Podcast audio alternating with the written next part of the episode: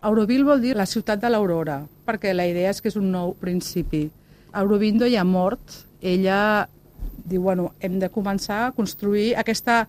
És un projecte humà, diguéssim. O sigui, lo important no és tant físicament al lloc, sinó que s'ha de crear com un home nou que té una nova consciència i és una nova manera de viure. Llavors ell pensa, bueno, la millor manera de desenvolupar de portar a terme aquesta filosofia i de crear aquesta comunitat de gent amb aquesta nova consciència és que ho fem en un lloc, que comencem de vell nou, on no tinguem herències del passat i puguem implementar tot tal com ho volem nosaltres, sense tenir petjades, no? perquè la idea del yoga integral d'Eurobindo, diguéssim, és de dir comencem de vell nou, oblidem les religions, nacionalitats, no? que és una mica també com el psiquisme, no? una Sí, mica, sí. que estaven entre els hindús i els musulmans, I els i ells deien, no, musulmans, sí, sí. escolta'm, nosaltres Repensem-ho. volem... Sí, exacte.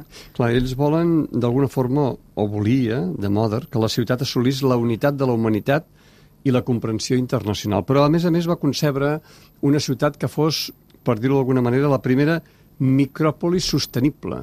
Mm -hmm. Que, clar, en l'època que ho pensa, Sí. era...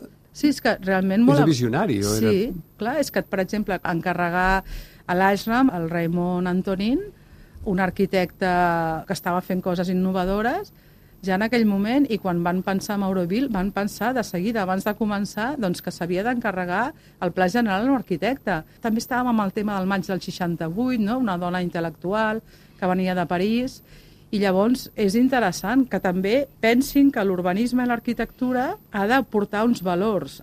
I Euroville volen que tota l'arquitectura tingui uns principis i és important la concepció arquitectònica dels edificis. Calla,